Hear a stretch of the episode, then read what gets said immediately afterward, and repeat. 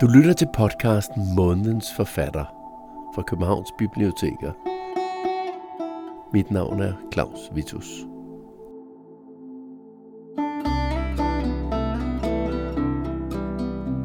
At være spasser er at leve i ensomheden. Vi har ingen familier eller kulturhistorie at spejle os i, skriver Kasper Erik i sin nye digtsamling Nye Balancer. Han var gæst i publikumsarrangementet Månedens Forfatter på Københavns Hovedbibliotek i slutningen af april 2023. Nye balancer kommer i forlængelse af hans tidligere digtsamling Nike fra 2015, hvor Kasper Erik skrev om at være en handicappet krop i verden. Han har cerebral parese, det som man også kalder spastisk lammelse. Og i den nye samling, som han selv giver genrebetegnelsen handicapdigte, i tale sætter han handicappet meget direkte og beskriver samtidig samfundets diskrimination af det anderledes. Interviewer ved publikumsarrangementet på Hovedbiblioteket var journalist og forfatter Lucia Udum, som også selv har skrevet digte og som har ganesiske rødder. Hun har arbejdet som musikjournalist og radiovært på blandt andet det elektriske barometer og P6 Beat. Hun er født i 1987, og det er så i øvrigt samme generation som Kaspar Erik. Og det var så også der, at samtalen på scenen den dag i april begyndte, altså om den fælles generation. Velkommen til en times samtale med forfatteren og digteren Kasper Erik i hovedrollen og med Lucia Udum som den nysgerrige spørger. Jamen, øh, hvor er det vidunderligt at være her på biblioteket og øh, snakke med en generationsfælde, Kasper Erik. Aktuelt med Nye Balancer har syv digtsamlinger bag dig. Øh, vi er jo en generation. Mm-hmm. Det er meget ind at være en generation lige nu. Ja. Føler jeg. Der bliver skrevet rigtig meget om generationer. Øhm, og jeg synes, der er noget ved at være en generation lige nu, der handler om at gøre sit bedste for nogle andre. Ikke kun for sin egen samtidsfælder, men for eftertiden. Og det synes jeg, du er ret god til at gøre dit bedste med at gøre med din poesi. Tak. Så vi skal snakke lidt om det der med at være en generation. Vi skal også lidt forbi Jaja Hassan senere. Ja. Og folk i vores generation, vi savner, som både har været her, og som ikke er kommet til ord over endnu. Det er også noget, jeg gerne vil snakke med dig om. Hmm. Men jeg er meget glad for, at du kom til ord. Jeg stødte ind i dig til digtarrangementer i midt-tierne. Det kan man begynde at sige om tierne nu. Det synes Ja. jeg er meget spændende for os alle sammen. Øhm, hvor du havde sådan afplaget hår, og folk snakkede om dig i krone. Kasper Erik, Kasper Erik, det, det bossede. Han læser op fra sin telefon. Han skriver om popkultur. Det er lidt ligesom med dig, Lucia. Eller sådan, der var en, jeg kunne mærke, det var en person, jeg ville have noget at tale med om. Og så er det lidt skørt, at vi egentlig ikke rigtig har siddet sådan mange gange på en scene og talt sammen. Jeg tror sidst var netop de der, ja, 10 år siden, eller et eller andet den dur. Ja, det er rigtigt. Ja, så jeg er rigtig glad for, at vi skal det i dag. Det er også mærkeligt, fordi jeg har seriøst nærmest aldrig læst op af min telefon. Er det rigtigt? Ja, altså jeg har bare skrevet om sikkert at gøre det, men altså jeg elsker at læse op fra papir. Det så gammeldags er jeg. Men det var det image, Ja, fordi vi også var i den der blogpoesi Ja. hvor folk skrev digte på internettet. Ja, jeg lavede digte med hashtags, og folk var chokeret over det, og Ja. alt muligt. Men nu er du blevet, en, du er blevet voksen i digtningen. Men derfor Ja. vil jeg gerne gå tilbage alligevel, her til at starte med. Fordi jeg alligevel synes, der er en full circle i det digt, jeg vil læse op her. Eller i hvert fald uddrag fra Nike. I American Apparel på Washington Avenue kunne ekspedienterne virke utrygge over, hvorvidt jeg nu planlagde at halte rundt i det offentlige rum med cerebral parese i lige præcis deres kollektion. Jeg kunne bare virkelig godt lide at blive sådan sat tilbage til den tid, hvor American Apparel var en tøjbutik, der ikke var i Danmark, men alle andre steder, vi rejste ud som generation. Og hvor man, hvis man var anderledes, kunne opleve at blive forfulgt af ekspedienterne eller en vagt. Det var Ja. i hvert fald sådan et billede, jeg kunne genkende at blive forfulgt af en ekspedient eller en vagt i en butik, der var bange for, om jeg nu ville stjæle noget. Ja. American Apparel var virkelig sådan normalitetens højborg, ikke? Ja. Øh, også i den forstand, at deres chef selvfølgelig var sådan en total krænker, fandt man ud af senere. Det er derfor, det ikke findes mere. Øh, det, ble, det gik nedenom og hjem inden MeToo. Altså, det kræver alligevel, så skal man også virkelig være slem, ikke? Øh, men ja, altså jeg tror, det, det, blev, det var sådan en scene for mig, der ligesom, altså det der kommer efter den del af digtet, handler om det der med sådan, den, den uperfekte krop, der smitter af på et brand, ikke? Altså, og det her med, og, og, det, og det er jo noget, der er gået igen i meget af mit forfatterskab, altså det uperfekte, der på en eller anden måde smitter af på normaliteten, og på den ene side at føle sig uden for, for den sådan begærslogik, eller hvad man nærmest skal kalde det, og på den anden side også finde en enorm kraft i netop at være sådan det her lidt sådan noget, der riser i normaliteten, eller det, der stikker ud, også som noget, der kan være en poetisk kraft i, eller en politisk kraft i. Det var i hvert fald fedt at genlæse det billede, altså det tidsbillede, mm. og alligevel også se, at du skrev det, vi snakkede om, inden vi gik ind i det her rum, som er crip-digte, ja. som må være den amerikanske eller internationale betegnelse for handicapdigte, som du kalder din digte nu. Ja. ja. Øh, at der stadigvæk var crip-digte, da du startede, men at de måske ikke havde fået den her fulde kraft til at stå frem haltende, sådan som de gør nu i nye balancer. Jeg tror, altså Nike er helt sikkert det, man kunne kalde en cryptic-samling. Øh, det er noget, jeg selv kalder den nu, men men, det er men på forsiden af Nike, jeg at se, om den er, den er her. Ikke? Altså, der, der, der var det, der, den hedder bare poesi, og det var vigtigt for mig dengang at insistere på, sådan, det her er bare digte. Altså det er bare poesi, men det handler om at leve med et handicap. Og det er ligesom, det er den udvikling, jeg har været, øh, den rejse, som folk elsker rejser. Ikke? Mm. Øh, det, det er den rejse, jeg selv har været på i mit forfatterskab, som er ligesom fra, at det bare skulle være poesi, til at turde sige, det her det er handicapdigte, og sådan er det, og det er enormt kitschet at have sådan nogle øh, tematiske genrebetegnelser, men fuck ja, yeah, sådan, er, sådan er det, og værsgo, og her er det. Øh, og jeg tror også, og det kan man også se på bøgerne, altså bare sådan i sin form er Nike meget monoton. Det er et langdigt, og den har sådan en, en form for puls hele vejen igennem. Og det der er med den her bog er, at fordi det har den her samlende genrebetegnelse, så er det på en måde digte på alle mulige måder. Digte med lange titler, der er et brev, der er øh, en form for følgetong om en handicappet hund, der er, du ved, alle, jeg gav mig selv lov til bare at prøve at gøre whatever. På en måde også fordi, at jeg nu snakker jeg bare. Men altså, jeg tror, jeg havde en forventning om, da jeg lavede Nike. Okay, nu kommer de handicappede stemmer. Nu, nu, nu vil det sprede sig, nu vil der være nogen, der ser, hey, man må gerne skrive om det her, vi skal have nogle fælles snakke. Og der kom bare helt ærligt ikke en skid. Øh, så, jeg, så i arbejdet med den her bog, der tænkte jeg sådan, okay, men nu prøver jeg bare, nu laver jeg alle mulige slags genre. Jeg laver et eventyr, der er et handicap-eventyr. Jeg laver den her følgetong. Jeg laver et brev. Jeg laver alt det, jeg havde savnet, som jeg troede skulle komme efter Nike. Det må jeg bare fucking selv gøre. Og så gjorde jeg det. Ja, og jeg synes, vi skal høre et eksempel på, hvor du er nu, og også snakke om, hvordan det er at være ankommet til at stå ved og sige det handicapdigte. Men lad os lige høre et handicapdigt og læse op for øh, Displegia spastica på side 36 i Nye Balancer. Ja. Det var meget sådan pædagogisk, så kan man ja, sådan følge med. så kan man selv læse med, hvis man har den taget med. Ja, det i kommer her. Ja. Diplegia spastica. Jeg blev født to måneder for tidligt på Rigshospitalet trak ikke vejret, men hjertet slog. Selvom ingen helt ved det, siger man, at det sker ved fødslen, for ikke at koble det til moderen og graviditeten. Cerebral parese er en slags hjerneskade, der gør, at musklerne hele tiden er spændt op. Da jeg var 8 år, skulle jeg opereres for anden gang, og to læger tegnede på mig med en tusch. Her og her kunne man lægge et snit i akillescenen, men også i hasen. De smittede mig med et sprog, der var alt for voksent. De plegia spastika gik jeg og sagde som en lille freak. Andre mennesker har været inde i min krop. Jeg skylder sundhedsvæsenet meget, men vi kan gøre det bedre. Tak, ja, Det var så lidt.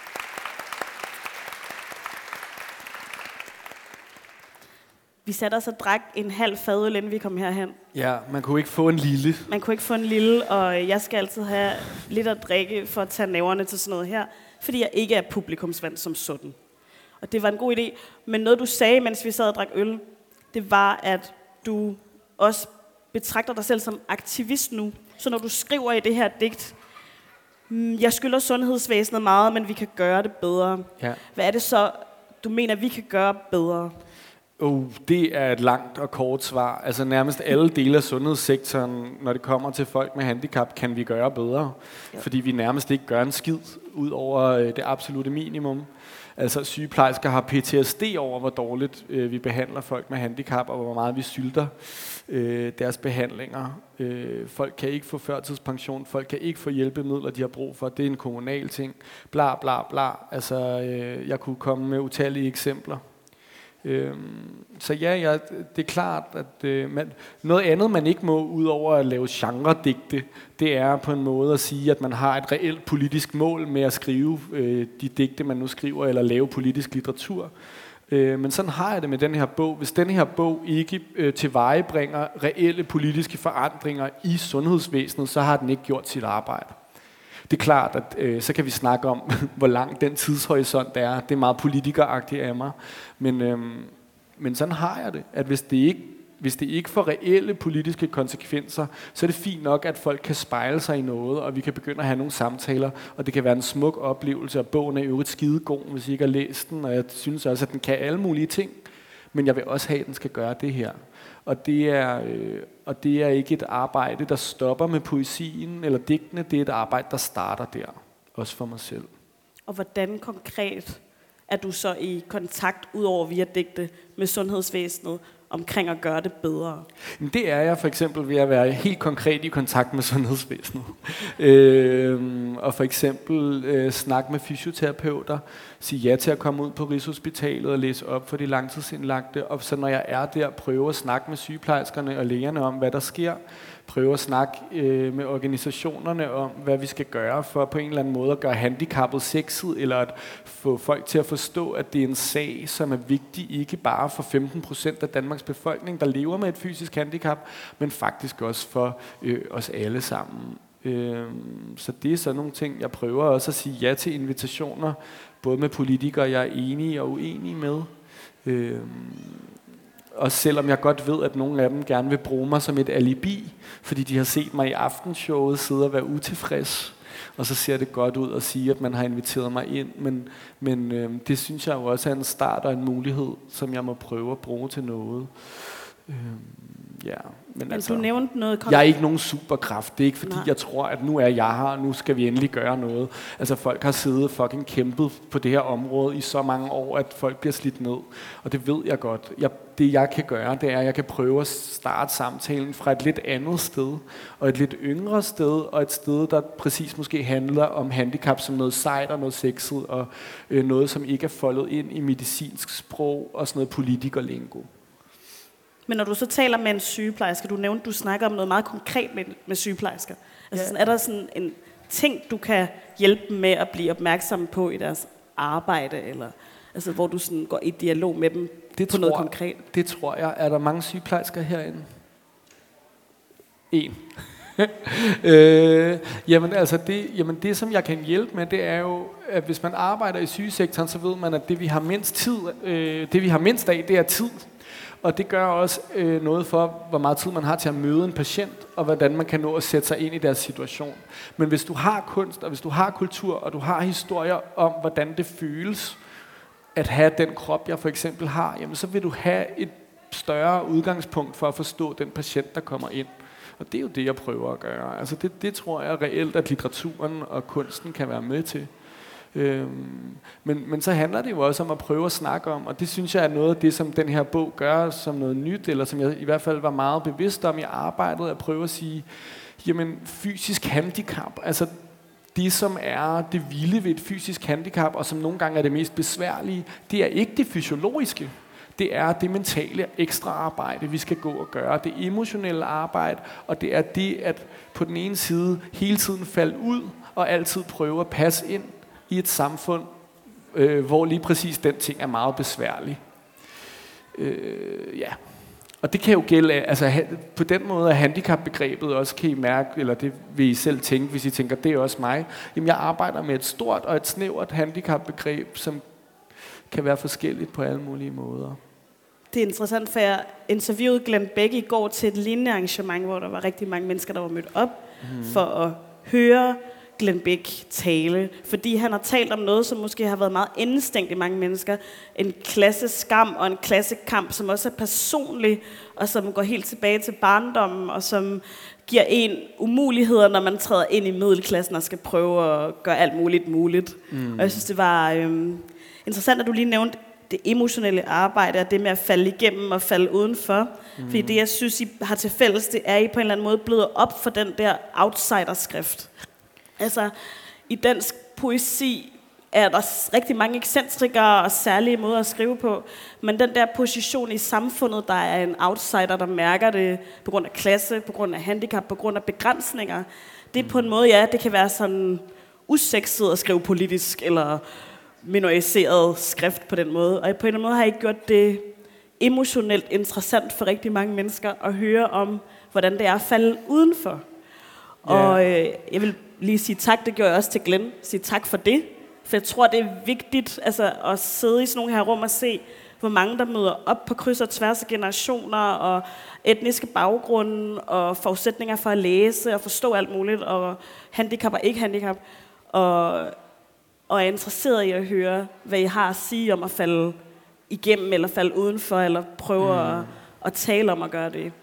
Øhm, og imens jeg sådan sad og og skulle forberede mig til begge de her samtaler, som betyder meget for mig at have i den her uge, så kom mm. jeg til at tænke på Jaja Hassan. Ja. Fordi der er sådan et tomrum, som I på en måde udfylder efter ham for mig, som, som nogen, der gør poesien universel for en dansk befolkning. Altså mm. på sådan en her måde, hvor I befolker litteratur med det, I gør. Men der er stadigvæk det her tomrum efter præcis Jaja Hassan, og den baggrund, han repræsenterer, og de historier, som der lå i hans digte.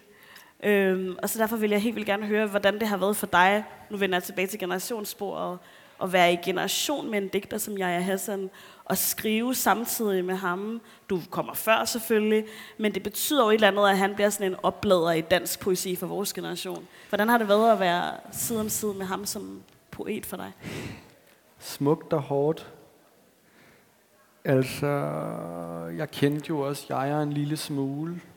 Så på et personligt plan var det hårdt. Øh, han debuterede jo året inden jeg debuterede, men jeg var ligesom i gang, nogle af de ting, du snakkede om, der var jeg i gang med i 2011, ikke? og vi havde meget af det poppet til fælles, og øh, vi lånte hinanden cigaretter. men jeg ved, ja, hvad fanden skal jeg sige om det? Altså, jeg var bare en vildt vigtig stemme, og det, jeg ved ikke, om det tomrum, der er efter ham, egentlig er et tomrum, som jeg synes er der på grund af hans baggrund, eller den stemme, han repræsenterede. Jeg synes, at det tomrum, vi har efter jeg er et, en enorm poetisk kraft, som var, øh, og så kan man mene om, hvad man vil om, og hans livssituation, og hvordan han ellers var, og han var voldelig over for kvinder, og alle mulige ting, som jeg gerne synes, man må snakke om. Men når, når det kommer til poesi, så var han øh, primært inspirerende, fordi han havde en enorm adgang til poetisk kraft. Altså det var bare, du ved, jeg, jeg ved ikke, hvad det var med hans digte. Nogle gange følte man, de var dårlige, men så var de også bare fucking, det er præcis det, de skulle være. Øhm, og jeg, og jeg synes, det, det der er med tomrummet efter jeg, det er måske, at vi har, at du ved, Lona Aboras har altså været her i lang tid, og, og laver, øh, det er jeg, der taler regnskabets team, som også vinder en masse priser, og det er altså efter jeg. Øhm, og meget af den klasseanalyse, der er inde i Glens Glenn Becks bog, øh, er også til stede i, i Lones øh, bøger. Øh, det, der har været tomrummet, er, at vi, vi romantiserer en, en mandlig type af digter, øh, som vi gerne vil putte på forsiden af avisen. Og øh, ja, men det er... Og jeg elsker Glenn, og jeg elsker alt det, han har gjort. Jeg har tænkt meget på, hvorfor er det, hvordan er det, at det er mig og Glenn, der får lov til at være på forsiden af ting, men der er ingen, der putter Luna Aboras på forsiden. Det synes jeg, det, det kan der være alle mulige svar på, men det vigtige er, det er et godt spørgsmål. Og, og, øh, og det, det, det tomrum har der været efter jeg på en eller anden måde øh, en berøringsangst over for den der klasseanalyse. Og jeg synes, det spændende ved Glenn Beck er, at hans klasseanalyse for os hele tiden lov til at findes på bekostning af det, som er det allersmukkeste, synes jeg bare, i hans bog, som er øh, homohistorien.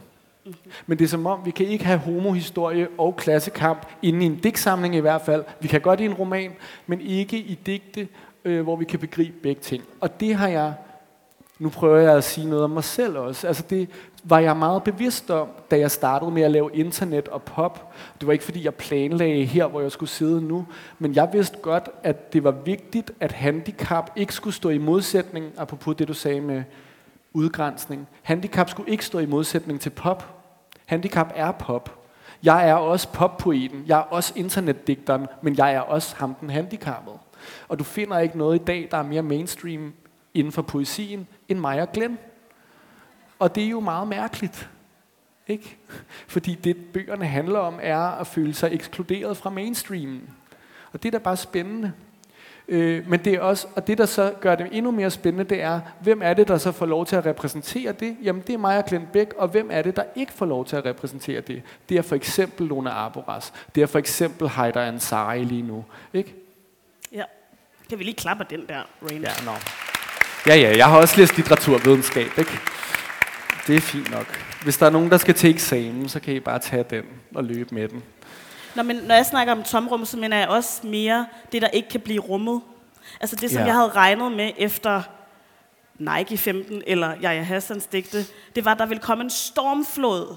At det ville være en generationsbølge, at vi ville vælte hele lortet, at vi ville se skrift alle mulige steder fra. Men det- det er det, jeg mener med, at rummet på en eller anden måde står tomt. Altså, at jeg ved godt, at der er nogle darlings, og det snakkede jeg også med Glenn Beck om i går, at være den exceptionelle minoritet. Hvad, mm. Altså, det er det, som samfundet kan rumme, den exceptionelle minoritet. Men den der bølge, den der mangfoldiggørelse af, hvor forskellige måder man kan være handicappet, øh, person med en etnisk baggrund, queer, øh, fra arbejderklassen, fra underklassen. Mm. Der, er ikke, der er ikke de der nuancer i det store kollektive rum, som har været vores samfund efter de her store manifester. Nej. Og det er det, jeg synes, der er tomrummet for mig. Altså, Ja, det er ja, den følelse, jeg klart. med i hvert fald. Klart Ja. nok. Det kan jeg godt forstå. Jeg kan, men, men det er jo den dør, som jeg var med til at sparke ind. Det var sådan, nu skal poesien fucking handle om noget. Ikke? Og, og, det, og det, kan, det er sgu en blessing and a curse. Ja. øhm, det har især været en forbandelse. Måske er det ikke mit sted at sige, men altså, vi har nogle ret geniale, ikke-hvide unge digtere i Danmark. Altså Sabita Søderholm, øh, Alexander Majara, Dennis. Dennis Key, altså, som virkelig jo lever præcis inden i en- en af de sådan imperativer, som mig og jeg var med til at ligesom føre frem, som var sådan øh, hverdagspoesi, politisk poesi ikke? og pop. At de tre ting ligesom var en og samme ting. Og, og, og det tror jeg har gjort, at vi har set i dansk litteratur, at der er mange af de her stemmer, der faktisk er i det her tomrum, som jeg er med på, stod i et tomrum, men som har prøvet at finde et andet sprog, eller prøvet at finde et ikke jeg er Hassan-agtigt sprog. At være ikke-hvid på en, på en uaggressiv måde. Øhm, og det er jo det, jeg håber for mig selv også. Altså det er det, jeg håber, denne her bog gør. Jeg skriver på en meget specifik måde. Jeg har en meget specifik æstetik. Jeg vil gerne se handicapdigte på alle mulige måder, men, men øh, jeg kan ikke stå for den flerstemmighed. Men jeg kan prøve at sørge for, at der er et rum, hvor at de stemmer kan være med til at komme frem. Ja. Og jeg synes, vi skal høre øh, dit eget rum igen. Ja. Øh, siden 19, digtet Forsøg på et brev. Ja, det sgu meget godt. Det sgu meget godt, øh, det er sgu meget godt i forlængelse af det her. Ja, det er, et, det er lidt langt, siger jeg som en mærkelig Så advarsel. sæt jeg godt til rette, tag en tår af noget. Ja, ja. Ja. Forsøg på et brev.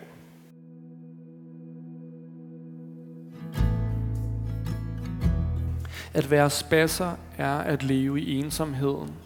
Vi har ingen familier eller kulturhistorie at spejle os i. Så nu prøver jeg også bare lige at sige hej. Hej til jer med de spændte muskler. Bliver jeres kroppe også bløde helt automatisk, når I falder?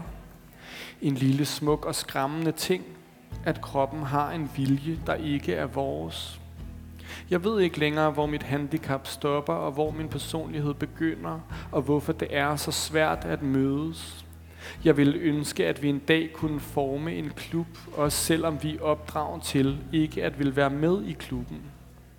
En gang mødte jeg en pige til en gymnasiefest, der også havde CP. Efter alt for lang tid tog jeg mig sammen og gik over til hende. Sagde, at det måtte være vanskeligt at være kvinde, høje, hæle, noget med forventninger til det søde og pæne. Så sagde hun bare, det ved jeg sgu ikke, men du har det jo også lidt værre end mig. Vi tror altid, at andre er hårdere ramt end os selv, selvfølgelig fordi vi er fortrolige med vores egne kroppe. Alle de finder, vi har indøvet gennem tiden. Selv går jeg for eksempel altid bag os på trapper og planlægger alle dagens transportruter i badet om morgenen, eller skænderier, jeg aldrig kommer til at have. Jeg er blevet så god til at klare den, at jeg ofte glemmer, at det er det, jeg gør. Folk tror, at de er mere rummelige, end de er, og så sidder man og trøster sin veninde på en bar, fordi hun pludselig indser, at hun også har været lidt fucked, og så siger man, prøv at høre, det er ikke dig, som det digt handler om, og så siger hun undskyld, og så siger man også bare undskyld, for hurtigt at komme videre eller ud af samtalen, fordi undskyld er et ord, som vi ved betyder arbejde. Jeg prøver at sige, at jeg forstår, hvis du har et hul inde i dig. Jeg tror på, at folk omkring os vil os det godt. De fatter bare meget sjældent, hvordan vi har det. Vi udfører et konstant og privat omsorgsarbejde, og samtidig benægter vi, at det arbejde finder sted. Tager ikke de pauser, vi har brug for. Måske også, fordi vi har fået at vide hele livet, at det fineste er, hvis man ikke lægger mærke til vores handicap. Min søstre og jeg siger altid, at vi aldrig rigtig snakkede om det derhjemme. Som om tavsheden ikke også er et sprog, vi har lært. Til gengæld har tavsheden også været min største gave. Tavsheden, baby, a blessing and a curse. At mine forældre tvang mig til at træne hårdere. Til at vise de andre små fuckers, hvor meget jeg kunne. Min trang til at bevise mig selv er også grunden til, at jeg skriver allermindst af det, der er en hemmelighed for mig selv. Uanset hvad, jeg forstår, at det er hårdt. Jeg græder også selv på sofaen derhjemme. Samfundet er bare ikke indrettet til os. Jeg har læst Sar Ahmed sige, at det er godt at løbe panden mod en mur indimellem. Så kan vi i det mindste se, at murene findes, murene findes, murene findes. For tiden forsøger jeg at tilgive mig selv for ikke at have lavet øvelser nok. På et tidspunkt kunne jeg bare ikke få vejret, når jeg lagde mig på den grønne latexmåtte. På et tidspunkt måtte jeg droppe at optimere min krop. Den evige dårlige samvittighed. Men nu prøver jeg at give mit handicap den omsorg, det fortjener. Længe har jeg gået og sagt for sjov, at jeg jo ender i en kørestol, og at jeg ifølge statistikkerne også vil dø tidligere. Men nu hvor jeg er blevet ældre, er det gået op for mig, at det er sandt. Min læge har opfordret mig til at finde en fysioterapeut, hvis jeg for eksempel vil spille bold med en søn i fremtiden. Hvis jeg gerne vil på ferie og gå lidt rundt langs et vandfald. Det er selvfølgelig typisk mig at have fundet en kæreste, der elsker den slags. Men snart må jeg nok opgive ideen om, at alt er fint. Det er ikke gratis at ville passe ind. Jeg drømmer om at turde sige alt det her højt til hende, før det står midt i et digt, at det for eksempel føles, som om hun indimellem tester mine grænser, fordi hun ikke kan lide at forholde sig til handicappet. Jeg er bange for at gøre det mere virkelig ved at skrive det nu, fordi min krop også er så meget mere, fordi jeg også sagtens kan stå på et bord til en fest, mærke energien i alle blikkene og føle mig både forgudet og begæret. Men jeg er også bare træt af virkelighedens skævhed, at vi kun må tale om smerten, hvis vi kan transformere den til en køleskabsmagnet. Jeg drømmer om, at vi en dag kan blive set på som noget smukt. Udover det drømmer jeg meget om en hund for tiden. Jeg så den i linje B mod Højtostrup. Den havde kun tre ben og var iført en orange vest med metalkugler i. Tak.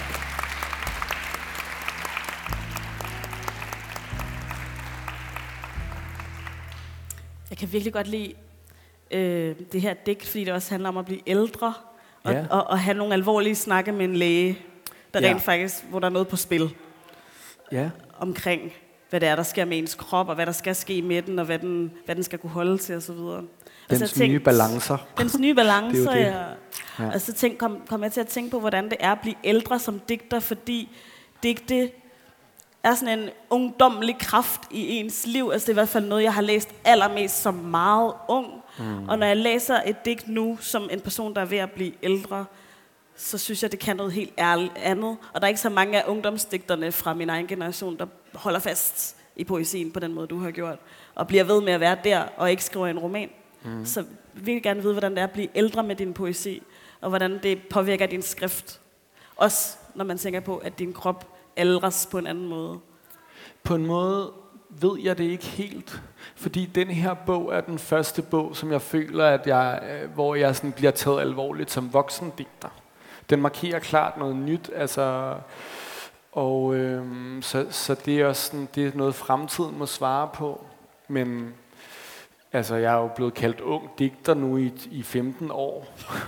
øh, jeg kan mærke det, jeg er meget rundt på gymnasier, og det, det, som digter i mit arbejdsmæssigt, er det bare der, jeg mest kan mærke det, at da jeg, da jeg begyndte, der var min indgang til de unge meget bare sådan, hey, jeg hører også Rihanna og Medina, og jeg hører Gilly, og jeg synes også, det er poesi, og lad os snakke om det.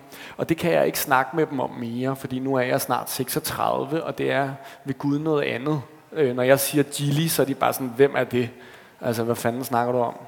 Øh, og så som, men som læsende digter i det der fællesskab, der, der har jeg mere sådan en fornemmelse af, at da jeg var kom frem, der var jeg meget en del af en generationsscene, og generationen betød meget, og det var sådan... Fortæl lige om dem til dem, der ikke Jamen, det var meget sådan øh, mig og Olga Ravn og Thijs Ørntoft og Astrid Olivia Nordenhof og Julie Sten Knudsen og Lone Arboras og hvem der ellers var. Og jeg gik på litteraturvidenskab, og, og det var fint nok. Man kunne godt få lov til at komme med ind til fester på forfatterskolen. Man skulle bare troppe op på en måde. Mm. Øh, og, så, og jeg kunne godt gå, og jeg var kendt som ham, der satte Rihanna på, og det synes folk var grineren, fordi de havde kun hørt Bruce Springsteen og Anne Linde de 10 år. øh, så, så det synes de var rigtig spændende. Øh, Shine Bright Like a Diamond og sådan noget, hvad fanden, ikke?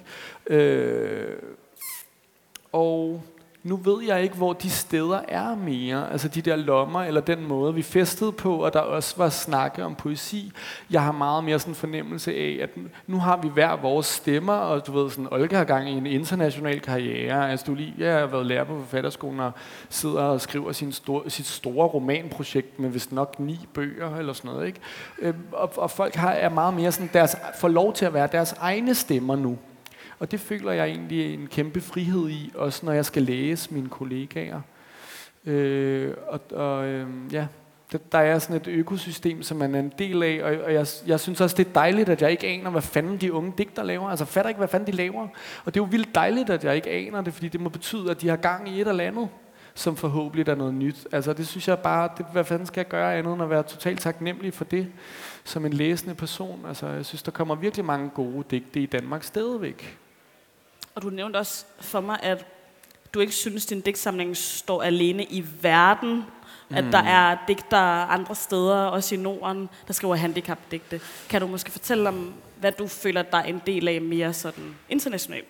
Ja, med den altså, her digtsamling. Ja, men jeg har heller ikke følt mig alene. Apropos Jaja og Astrid Olivia og, og Luna Arboras, har jeg ikke følt mig alene, da Nike kom. Men, men det var måske bare lidt på en anden måde. Altså, hvor nu er der begyndt faktisk at være nogle tendenser. Altså i Norge har vi Jan Groen og øh, Olav Nissen, og der er, sådan, der er en masse norske der, øh, forfattere, der skriver om handicap. Der er begyndt at være folk i Danmark, altså Cecilia Højbjerg, der har skrevet en bog, der hedder Flair, som handler om at være omsorgsarbejder, godt nok. Anna Jul.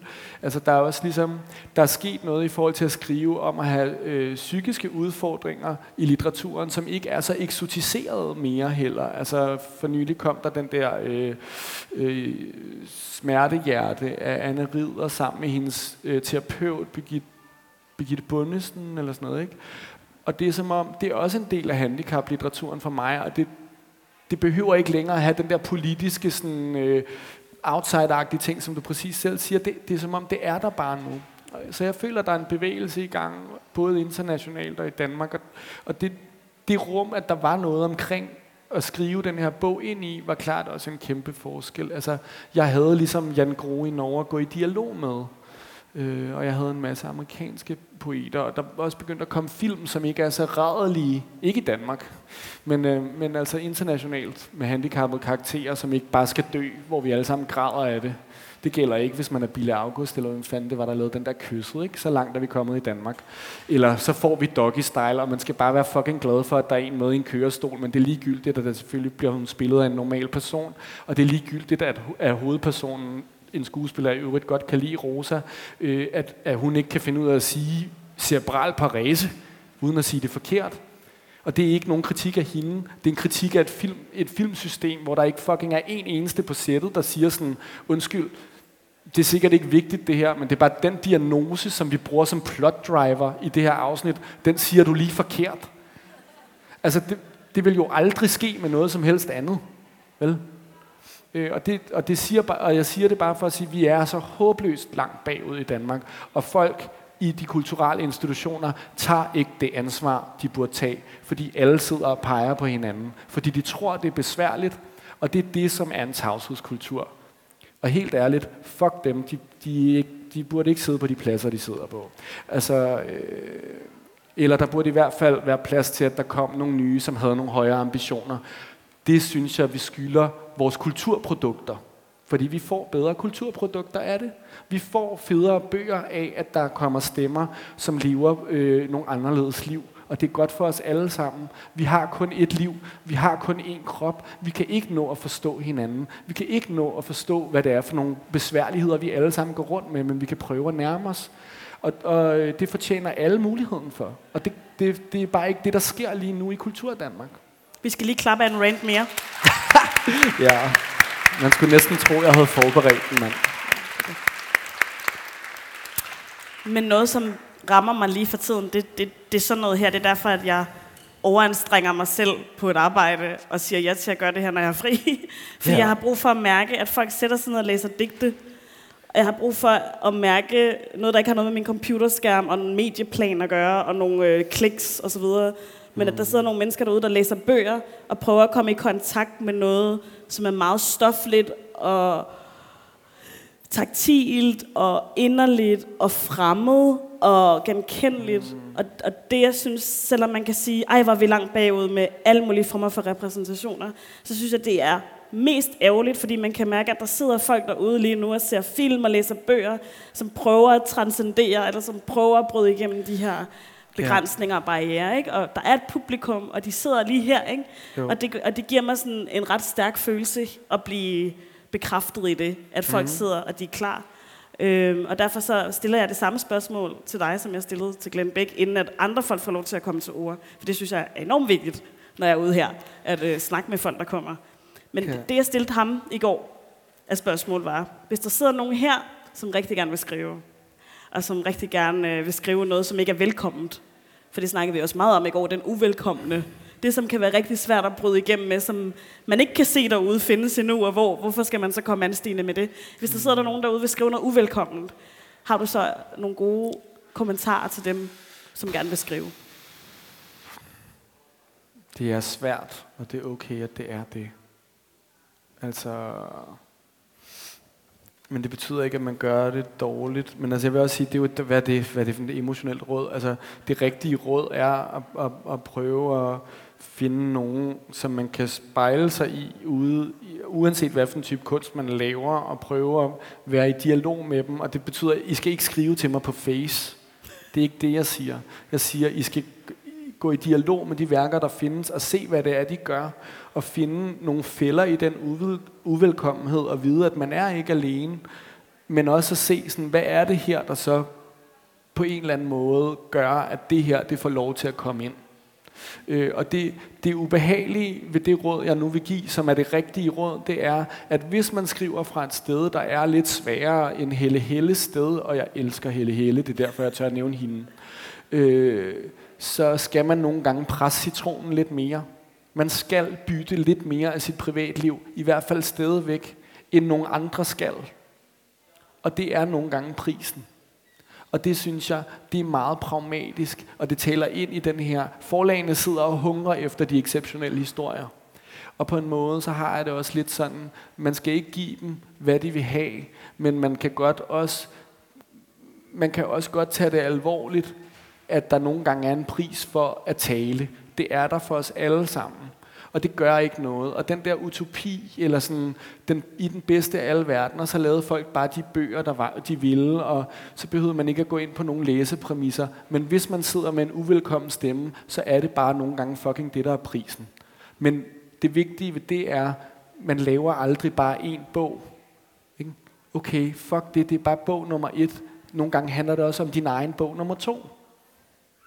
Ikke? Så også lad være med at tro, at man skal gøre det hele i bog nummer et, eller sådan, det her var ikke sådan, det følger ikke alle mine idealer, eller jeg forløser ikke alt her.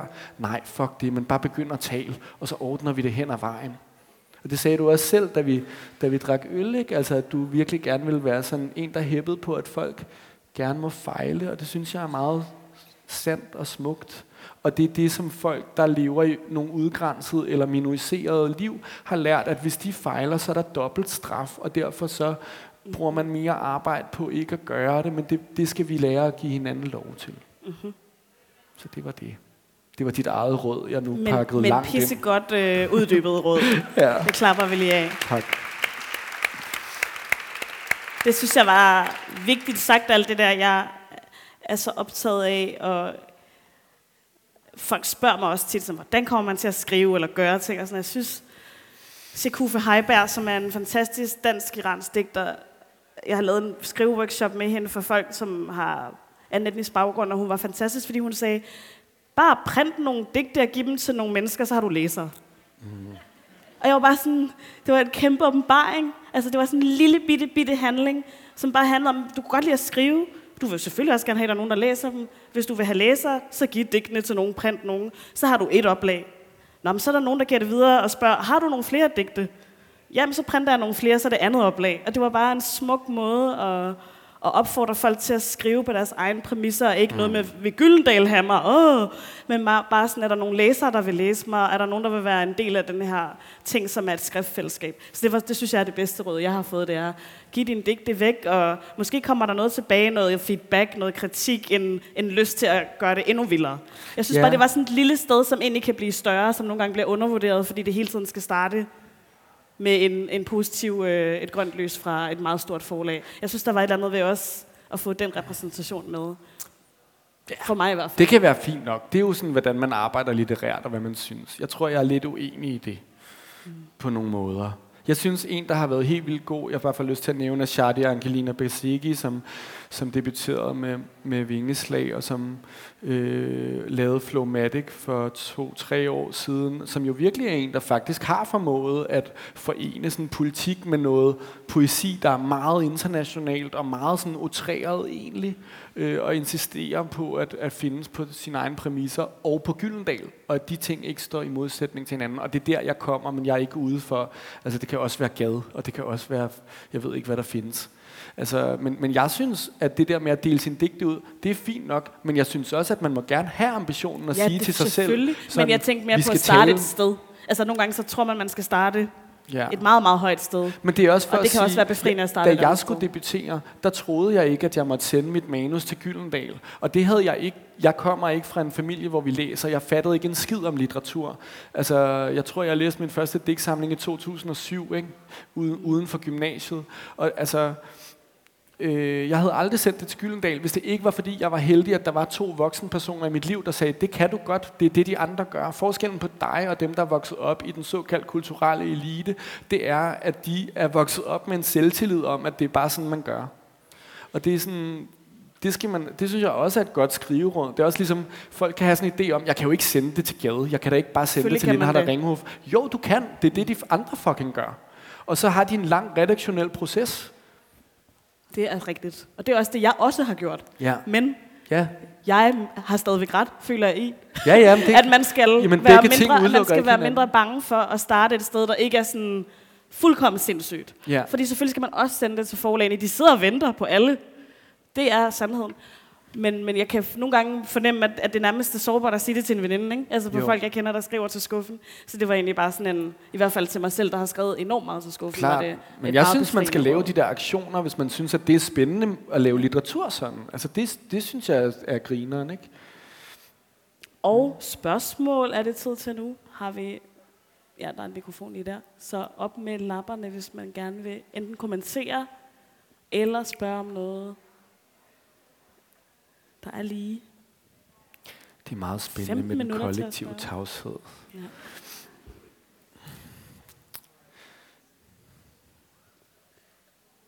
Ellers så begynder jeg bare sådan at Eller snakker give jer benhård mere. statistik fra handicapområdet. Ja. Jamen, kom med noget, mens vi venter på... Ja, øh, altså jeg kan bare fortælle, at øh, lige om lidt så kommer, jeg ved ikke om den kom i dag, eller hvad, den der undskyldning til børnene i forsorgen, særforsorgen, som var de her øh, børn på, øh, voksne og unge på Livø og Sprogø. Vi har også, der, apropos, der er jo også, Malu Reimann har lige lavet den her fantastiske film Ustyrlig, som også handler om kvinderne på Sprogø, ikke? Øh, som der virkelig var brug for, efter at Jussi øh, sted moderligt behandlede den historie i en af sine krimier. Men øh, Øh, altså, den undskyldning kommer lige om lidt. En af hovedarkitekterne bag den danske forsorgslov, det var K.K. Steinke. Hans hoved, det står på en kæmpe statue inde i Socialministeriet. Han er også kendt som velfærdsstatens grundlægger, og det er alt sammen meget fint. Øh, men altså samtidig med, at man vil give en undskyldning for særforsorgen, så, så, øh, så venter vi stadig på en undskyldning for 15 års brud på serviceloven fra for 15 år siden, da man lavede kommunalreformer til i dag. Ikke? Øh, det synes jeg bare er spændende. Jeg synes også, det er spændende, at det lige har været kvindernes kampdag. Det er sådan en dag, jeg altid bliver enormt fyldt af håb og enormt fyldt af sorg, fordi folk glemmer, at dem, der øh, får endnu, øh, endnu mindre ligeløn end andre kvinder, er handicappede kvinder. Dem, der bliver udsat for flest seksuelle overgreb i Danmark, er handicappede kvinder. Det er endda også handicappede sorte kvinder. Og sådan, altså det er ligesom, jo flere minoriteter du har, jo værre står det til børn, der er handicappet. Øh, jeg mener, det er 22 om året lige nu, der bliver slået ihjel. Øh, og du har 30% større sandsynlighed for at blive udsat af vold fra dine forældre, hvis du har et handicap. Alt det her er bare sådan noget, alle ved. Dem, der sidder og arbejder med det. Og det er sådan noget, som ingen ved ude i, ude i det reelle Danmark. Og samtidig så bliver der næsten afsat 0 kroner til at arbejde mod de her problemer på finansloven. Man regner med, at det er interesseorganisationerne, der skal løfte den opgave selv. Og det er jo derfor, at folk brænder ud. Øh, så det er også bare for at sige, at den virkelighed, jeg taler ind i, er også bare sådan, det er en virkelighed, hvor folk dør, fordi de er handicappede i Danmark. Altså det, det virker så latterligt at sige højt, og det virker som noget, som folk kan blive chokeret over, eller sådan, ej, det er dramatisk og sådan noget, men det er den virkelighed, jeg skriver ind i, hvor det er et ubestrideligt fucking faktum. Og det sker, mens at ingen gør noget. Og det sker, mens at folk stemmer på Lars Løkke, selvom han var hovedarkitekten bag kommunalreformen. Og man må gerne stemme på ham af alle mulige grunde. Men hvis man ikke ved det, og nu sidder vi med en regering, der vil lave en regionalreform, hvor de vil til at nedlægge regionerne og lave samme øvelse igen, så har man fucking fortjent sit hukommelsestab. Altså. Øh, så det... Flere er jo, og det jeg siger nu, altså det, det jeg siger nu, er jo noget jeg siger som en sådan opfordring og en kritik af en flertalsregering. Ikke? Det, er ikke, det her handler ikke om partipolitik for mig. Det handler om, at vi bliver nødt til på det her område at interessere os for, hvad det er, der foregår. Og det har vi alle sammen lært ikke at gøre, fordi vi har lært, at det faktisk går meget godt med de handicappede. Det eneste problem ved den sådan, ros, vi giver vores egen velfærdsstat, er, at den er forkert. Den ikke findes. Velfærdsstaten i Danmark er rigtig god, medmindre du får alvorligt brug for den. Medmindre at det, du får alvorligt brug for den til, er kraft. Så er vi rigtig gode for det meste. Øh, men også øh, dem, der ikke bliver screenet for brystkræft i øvrigt, det er handicappede kvinder. So there you go. Og de dør jo af det. Og det er bare, du ved, det er derfor, jeg kan sidde og blive lidt sur nogle gange, og det er derfor, jeg også kan være meget håbefuld, fordi håbet er jo, at øh, det er jo meget nemt at begynde at snakke om de her ting. Det er jo meget nemt at opsøge statistikken. Det er jo meget nemt, og det er også en meget nem pointe at sige højt for mig, som er, det sjove ved den handicappede minoritet er, at vi kan for det første alle sammen havne i den når som helst, for det andet havner vi forhåbentlig alle sammen i den. Ja, du sagde, vi bliver alle sammen handicappet før eller siden. Ja, forhåbentlig. Ja. Med mindre I dør inden. Ja. Er der kommet nogen, der gerne vil sige noget, eller, eller, eller være vrede sammen med os? Der kommer en hånd og to hænder dernede. Og man må også godt være vred. Det er fuldstændig det, som den her digterbølge handler om. Jeg ja. kunne bare godt tænke mig, at du øh, fortalte dem i publikum, der ikke ved, hvorfor, hvorfor det er, at handicappede kvinder ikke bliver screenet for brystkræft. Øh, jamen det ved, det er der vel mange grunde. Altså, den, okay, men den helt psykologiske bagvedlæggende grund er jo, at man ikke anser dem som en ressource, der er værdig nok til at fortjene den omsorg, hvor man kunne få dem tilbage på arbejdsmarkedet. man er kørestolsbruger. Nej, det er så, ja, okay, den helt praktiske ting. Ja, ja, som er vild nok, ikke? Ja, men jeg tror, men vigtigere endnu, det er jo, det er rigtigt, og det er vigtigt, det du siger. Men jeg synes, men det allervigtigste er, at vi bliver også nødt til at sige, og hvordan kan det få lov til at foregå? Altså, hvad fanden er det? Der er noget inde i os alle sammen, også inde i mig selv, i det blik, vi er blevet opdraget med, som må være noget med, at vi tænker, at den krop, der fortjener omsorg, og som vi skal øh, ligesom på en eller anden måde gøre rask, det er den krop, som ikke i forvejen er syg. Og det, det, der foregår lige nu, det er, at vi stadigvæk på en totalt bedaget måde i Danmark anser den handicappede krop som en syg krop, der er skadet, og derfor så kan den jo alligevel ikke blive god igen, og derfor så må man også bare tage til takke med, du skal sgu bare være glad for, du ved, øh, lige det hjælpemiddel, du så i øvrigt skal kæmpe øh, unødvendigt lang tid for at få, og kommunen vil nok sylte din sag, hvis du skal have en handicapbil, fordi de underbudgeterer osv. Men alligevel skal man sidde og være taknemmelig for den, den ikke-hjælp, der er. Og det synes jeg er sådan et, altså, det er et opgør, vi må tage med os selv. Altså, jeg, jeg, jeg synes, at det er, jeg ved ikke, om jeg synes, det er skamligt, men jeg synes, at det er i hvert fald påfaldende, at vi har haft så mange snakke, og de snakke skal bare fortsætte at blive bedre, men altså om homoseksuelles rettigheder, transrettigheder, sortes rettigheder eller ikke rettigheder, men inden i de snakke har det næsten været totalt tavs, når det kom til handicapområdet. Det er fandme mærkeligt. Især fordi, at øh, der også er en kæmpe overrepræsentation af handicappede blandt homoseksuelle og ikke hvide i Danmark. De ting hænger ofte sammen, og i verden i øvrigt. Ikke? Selvfølgelig i verden. Det, inter, det står, jeg tror, jeg skrev på et tidspunkt i bogen, verdens forbandede intersektionalitet. Ikke? Der var et spørgsmål mere. Det er egentlig ikke så meget et spørgsmål, som bare en kommentar, og en kæmpe tak til det arbejde, I begge to gør, for ligesom, ja, at udbrede det her perspektiv, som en, der forhåbentlig skal ud og arbejde i det offentlige, ikke som sygeplejerske, men som psykolog. Så synes jeg bare, at litteratur kan så mega meget i forhold til at blive klogere på det her. Og jeg kender ikke de statistikker, du nævner, Kasper, så det er mm. bare, det er så dejligt. Tusind tak for ja. det arbejde, I gør. Men velbekomme.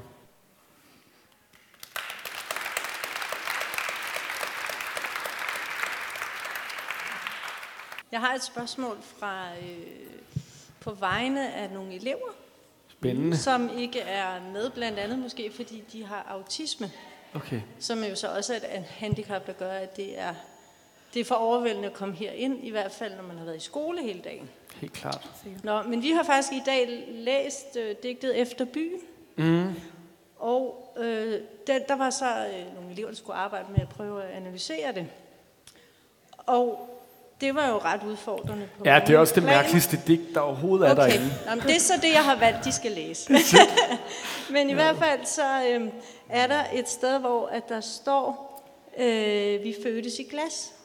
Ja, Ja, hvis nogen vil kigge ned, så er det på side 88. ja.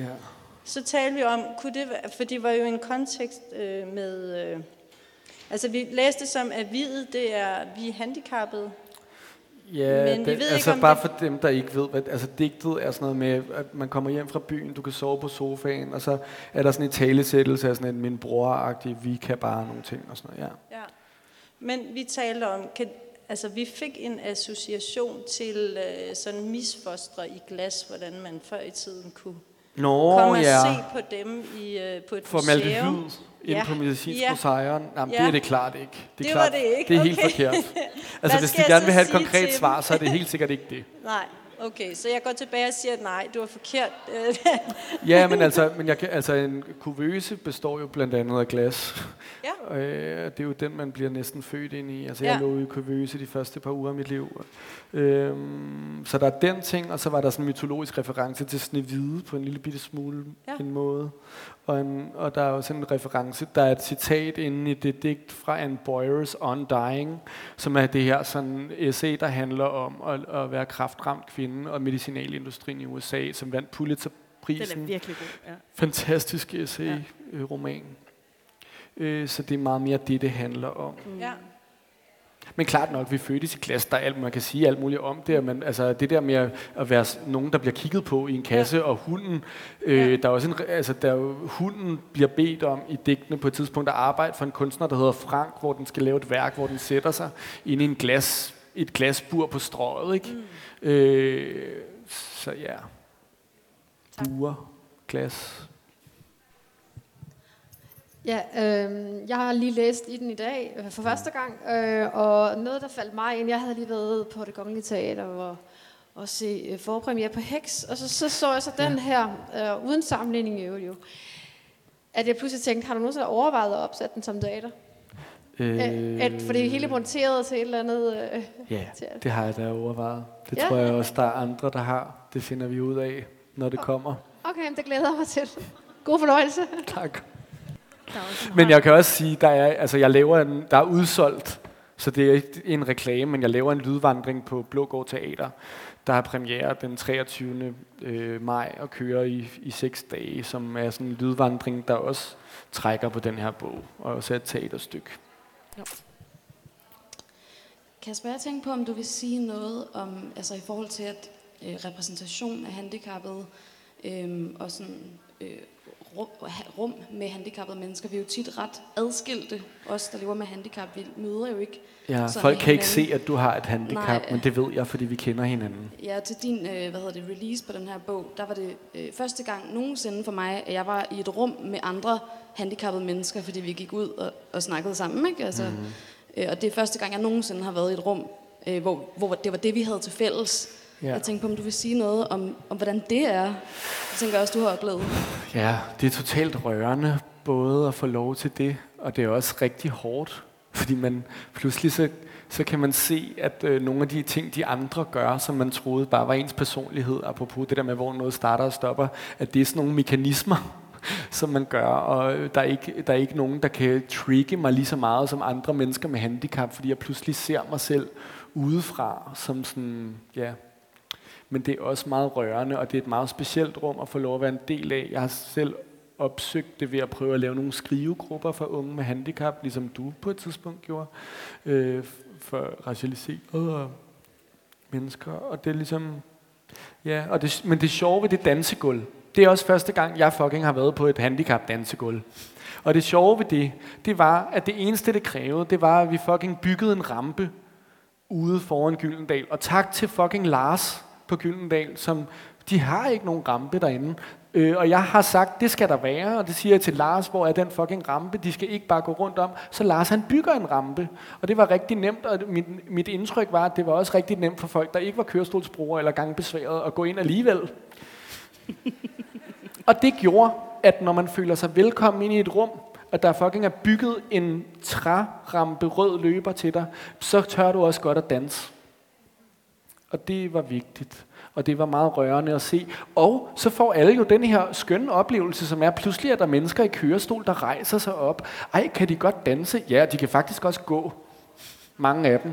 Nogle skridt eller nogle ting, men det, tit så vælger man jo ikke at gøre det, fordi, det, fordi der er trapper over det hele, og brosten er der glat. Og, øh, så ja, det var, ja, jeg, jeg, hvad fanden skal jeg sige mere?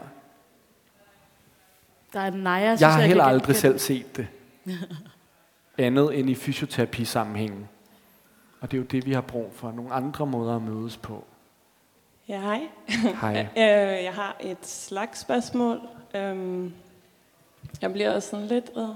Men øhm, jeg er ikke handicappet, men jeg har en kronisk sygdom, og det har taget 20 år øh, at få den øh, øh, ligesom identificeret, fordi det er en kvindesygdom. Okay.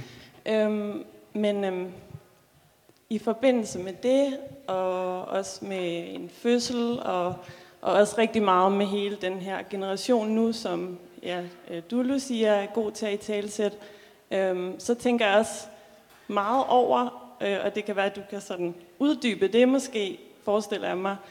Øh, der er mange stemmer, som ikke nødvendigvis kan tale om det her, fordi de har det for dårligt. Mm. Øh, måske fordi de ikke kan sige noget. Nu taler vi om handicap. Måske også fordi de ikke har energien til det. Jeg føler mig selv alt, alt for drænet til at gå i gang. Men jeg er selv øh, kunstner og har også lavet en udstilling på Medicinsk Museum, hvor jeg også selv er udstillet og del af min krop.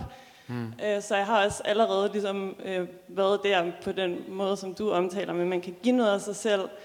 Men der var det stadigvæk ikke, øh, der vidste jeg ikke, hvad jeg fejlede, ligesom. så nu bliver det ligesom mere nært. Øhm, Ja. men, men hvad tænker du om alle de potentielle stemmer, som ikke øh, kan fortælle om det her, fordi de ikke kan? Ja, det er klart. Det er derfor, jeg siger, at jeg også vil have reelle politiske forandringer, fordi det med at få en stemme også er, at der er nogen, der har travlt med bare at klare den. Det er klart. Det er stemmer, vi mister. Og det, ja, jeg forstår alt, hvad du siger. Mm. Det, det tror jeg, det er mest det, jeg tænker. Altså, det kræver noget at tale. Det kræver noget at sidde her. Og, og øh, jeg er ressourcestærk. Jeg har mulighed for det. Jeg, på, den, på det punkt er jeg mega privilegeret. Apropos autisme, eller hvad man ellers kunne have. Mm. Det er klart. Øh, så det tænker jeg meget over. Øh, altså jeg tror også i forhold til det der med, hvem der har energi til at tale, så håber jeg da også, at nu sidder jeg og siger en masse ting, eller bare det, at der er en bog, jamen det gør det nemmere for person nummer to, der kan sige, som den her person siger det også. Det er ikke noget, jeg bare sidder og finder på. Og det er jo det, man ofte oplever, når man har en hvilken som helst minoriseret position. Det er jo også, at øh, så føler man, at man bliver udsat for diskrimination, eller man bliver udsat for noget uretfærdigt, men man, man har også lært at tænke, måske er jeg bare paranoid. Jeg skal også lade være med at bruge det som forklaringsmodel, osv. osv. Jeg vil bare sige, det som Kasper rammer der er ret vigtigt, fordi jeg er selv sådan en, som er blevet sat i en meget heldig, ressourcestærk kommune som meget, meget udsat person. Og jeg ved præcis, hvad det betyder, at det var Gentofte Kommune, jeg blev født på et køkkengulv i alt for tidligt. Jeg ved præcis, hvad det betyder, at det var den kommune. At jeg kun havde to socialrådgivere i 17 år. At min mor hun kunne få den hjælp, selvom hun var skizofren.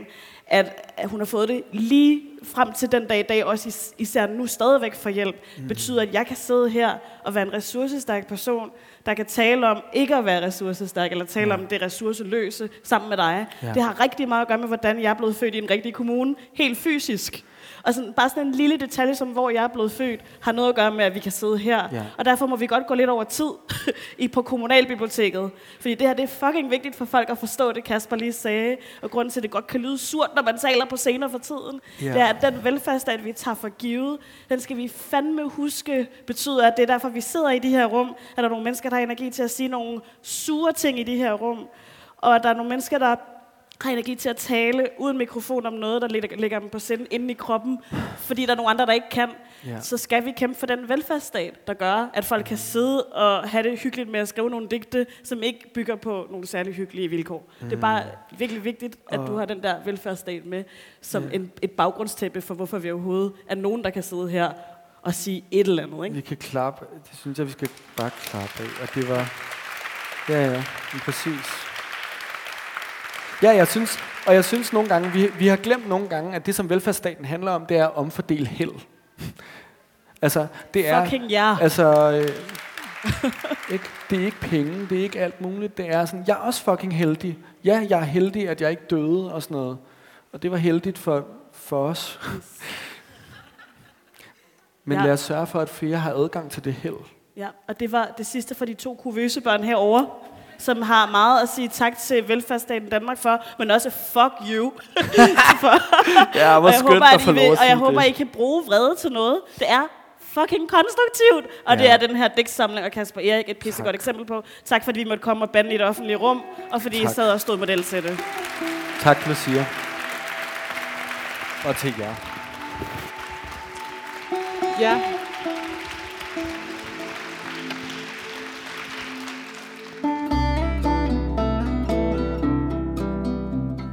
Du har lyttet til podcasten Månedens Forfatter. Der er sådan cirka en gang om måneden et arrangement på Hovedbiblioteket, som du kan være med til. Det er gratis. Du skal bare gå ind og se på Facebook, hvornår det er og med hvem det er. Og det arrangement ender ofte som en podcast også. Så hvis du dykker ned i podcasten Månedens Forfatter, ja, så kan du finde langt over 50 forskellige portrætter af månedens forfatter. Du finder vores podcast på Københavns Bibliotekers hjemmeside, som hedder bibliotek.kk.dk Altså bibliotek.kk.dk Der skal du lede efter fanebladet Lyd, og så finder du både alle de gamle månedens forfatterpodcast, men også alle andre podcasts, som vi laver på Københavns Biblioteker. På genhør der, eller på gensyn ved det næste publikumsarrangement Månedens Forfatter.